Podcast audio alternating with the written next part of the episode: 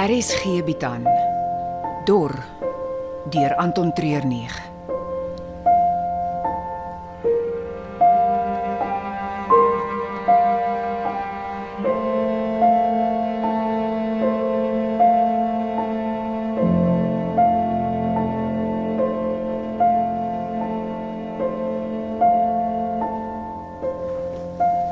In die ou dae sou ons partytjies gehou het in 'n leë swembad. Nou moet ons hier kom wegkruip teen die wind en son. Wat van in die hotel? Hmm, nie gedurende die dag nie, dis te gevaarlik. Hoekom? Jy weet nooit wie besluit om ons dorp te besoek nie. Die weermag. Hulle is die minste van ons probleme. Hulle sal kom rondkrap vir versteekte wapens. Maar ons koop hulle gewoonlik om met mampoer. Wat jy waar kry? Die alwyne is so bitter soos gal. Maar skop jou dat jy vir dae daarna nog met 'n babbela sukkel. So jy dryf handel met die weermag. Moenie vir my kyk asof ek nou net die laaste koekie uit jou mond gesteel het nie. Hier tussen die duiwel en die diep blou see, het jy nie tyd vir vyande of vriende nie. Dit gaan oor wie vir jou die meeste kan beteken. By die weermagmanne kan ons vleis en vars groente ruil. Iets wat jy nie van hier af tot aan die ander kant van die Oranje rivier kan kry nie. Nou as jy dit dan nie wegkry vir die weermaggie, wat doen ons hier in die swembad? Daar is sekere bendes. Mense wie se siele opgedroog het. As jy in hulle oë kyk, is daar niks. Ons noem hulle die dormense. Daar was al voorheen bendes. Nou nie soos die nie. Hulle gee vir niks om nie. Nie vir hulle self nie en beslis nie vir ander nie. Jy kan nie met hulle onderhandel nie, nog minder oorgee. Wat hulle soek is nie iets wat ons bereid is om te gee nie. Wat is dit? Hulle eet mensvleis. Drink enige vloeistof wat hulle kan. Hulle is kannibale. Van hier waar ons nou is, kan ons onsself verdedig. Dankie dat jy ons ingevat het. Nee, nee, ek het niemand gevat nie. Hier rond is daar net genoeg vir ons paar dorpsbewoners om te oorleef. Ons kan nie mense inneem nie. Ons kan wel met julle onderhandel. So die vraag is, wat is julle bereid om vir ons te gee?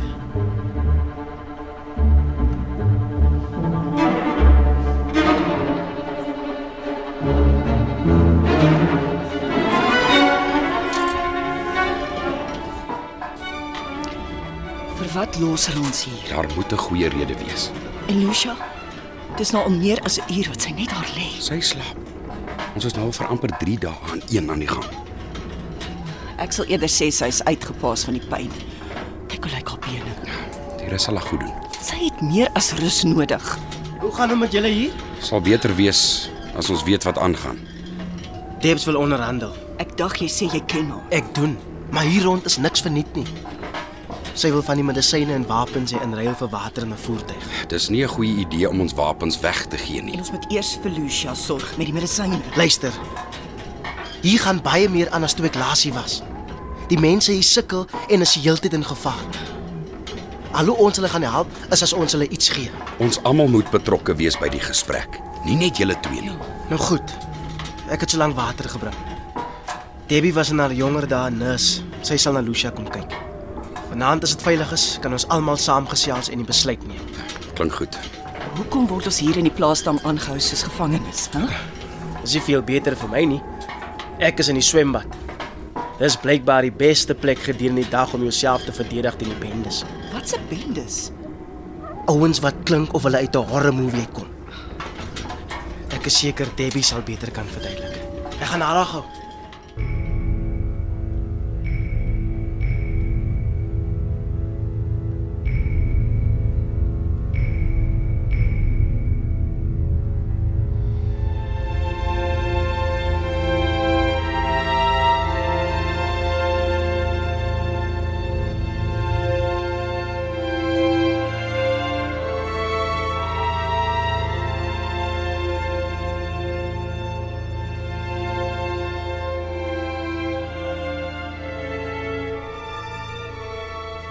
Ek het Lucia op 'n vloeistofdrip.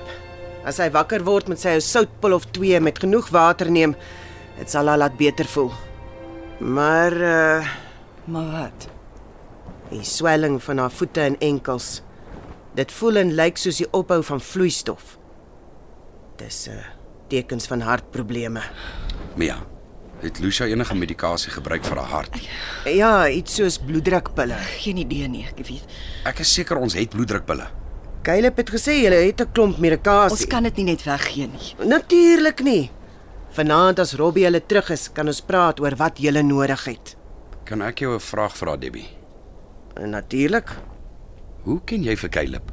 Ag, dis 'n lang storie. Ons het tyd. Oh. Ek was by 'n omgewingsgroep betrokke wat met die begin van die waterkrisis sterk daarteen was dat die regering 'n noodtoestand afkondig. Kort daarna is ons op 'n swartlys van gemeenskapgroepe geplaas en teen die stadium wat hulle vlak 1 beurtwater begin instel het, is ons verbied om enige mediaplasings te doen of geld in te samel vir die saak. In daai stadium het Caleb by ons aangesluit. So julle het saam beklei in die revolusie. Uh, nee. Ek was nog altyd gekant teen geweld. Maar Caleb het al van vroeg af gevoel ons moet meer doen as YouTube video's en Facebook plasings maak.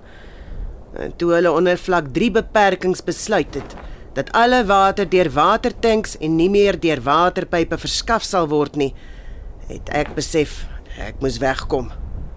So dis meer as 'n jaar wat ek al hier bly. En in daai tyd het ek ook sy oupa leer ken. Maar hier is niks nie. Hier het op 'n stadium twee riviere hulle oorsprong naby die dorp gehad. Klaarstroom en die Traka rivier. Ons kon vir lank water uit die boorgat kry en in die berg is daar nog 'n natuurlike fontein. Dan is hierdie die eerste stop vir die mense wat van die Wes-Kaap in die no-go zone inkom en is die laaste stop vir die wat van die noordelike provinsies deur die sone gekom het. Genoeg handel om 'n lewe te maak. Maar deesdae is elke dag 'n oorlewingsstryd. En Caleb? Ek weet hy is onlangs hierdeur. Baie mense wat moes vlug vir hulle lewens is bereid om teen die regering op te staan. Caleb het baie van hulle hier ontmoet uh, of is hier op soek na hulle. Hy het ons niks daarvan vertel nie. As jy ondergronds teen die stelsel werk, hou jy jou kaarte styf teen jou bors. Ek sien julle vanaand in die kerksaal. En daar sal julle vir Robbie ontmoet. Wie's Robbie? Geen idee nie.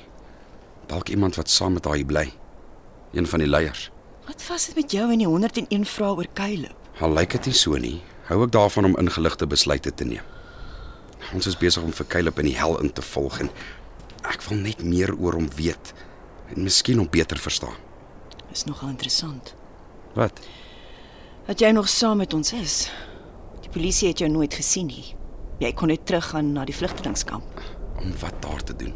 Caleb het my laat verstaan dat jy een van die leiers daar was. Jy kon teruggegaan het na jou mense toe. Ek het vir Caleb gehelp omdat hy my water beloof het. Water wat baie nodig is. In die kamp het ons nie genoeg om te drink nie. Wat nog van al die ander goed waarvoor jy water nodig het? So baie mense begin nier en lewersiektes opdoen. Vuil siektes omdat ons nie kan stort nie, diarree omdat ons afval nie weggespoel kan word nie. Op die oomblik gaan daar elke dag meer mense dood in die kamp as wat daar nuwe mense inkom. Ek het my mense water beloof en ek sal nie teruggaan voordat ek nie vir hulle water kan vat nie. Ek Ekskuus, ek het nie besef nie. Jy het nooit gevra nie. Ek dink nie net aan myself nie. Alles wat ek doen is vir my mense. Vir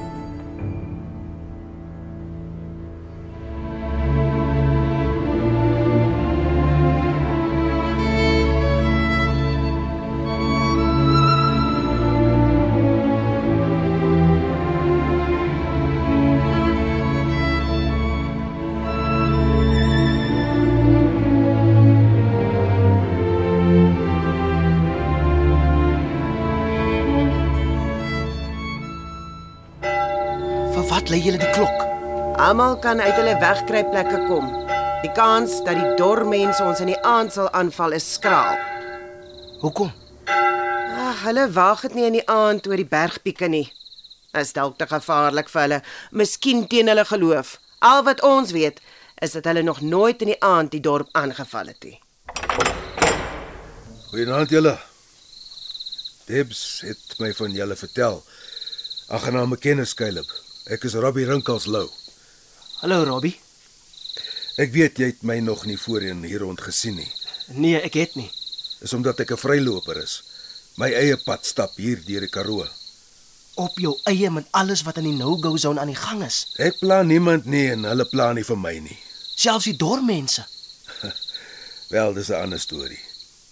Ek sorg dat ek in die aand onder die sterre in die maan my stap stap. Robbie is ons kontak met die ander bewoners van hierdie vergete wêreld. Ander. Is daar baie plekke soos die? Elkeen is uniek. Ek weet nie wat die regering vir julle mense vertel het nie, maar dis nie net sand en klippe nie. En terroriste? Ek vra niemand uit oor hulle geskiedenis of toekomsplanne nie. Dis 'n resep vir vyand maak.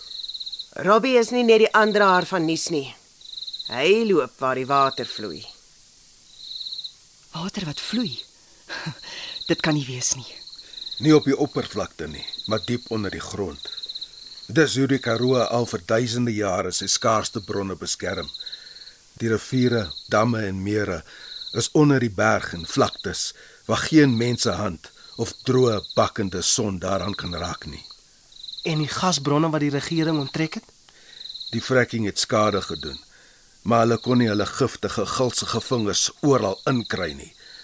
En wonderbaarlik het die minerale en sout van die stukke aard die water skoon gewas. Klink te goed om waar te wees. Ek weet. Dis hoe almal voel tot ek die gedruis hoor en die gat geboor word. Wag 'n bietjie. Ek wil net weet of ek reg verstaan. In die no-go zone wat nie net deur ons regering nie, maar deur die hele wêreld afgeskryf is as onleefbaar, is daar water. Ek kan maar net voel wat die wind teen my vel my vertel. Wat die rotse en spelonke my laat hoor en wat die bergpieke my laat sien. Dis wat ek weet. Ja. Die fontein teen die berg op wat vir ons van die water vir die afgelope jaar verskaf het. Dis Robbie wat dit ontdek het. En nou raak die stroom elke dag minder en dis die rede hoekom Robbie terug is. Die dorp, sy mense, die handel wat ons dryf en hoe ons oorleef is in Robbie se hande. Is weer tyd vir hom om sy wikkelstok uit te haal en ons te help. Die vraag is natuurlik wat Robbie in ruil vir sy dienste wil hê. Ag, Debs. Dis nie asof ons mekaar nie ken nie. Ek het volle vertroue dat sodra ek die water gevind het, sal ons op 'n betaling kan ooreenkom. Vir nou is dit net lekker om weer tussen mense te wees. Kom ons geniet die aand vir wat dit is. 'n Geleentheid om te leef, want deesdae is elke dag 'n geskenk en elke aand 'n wonderwerk.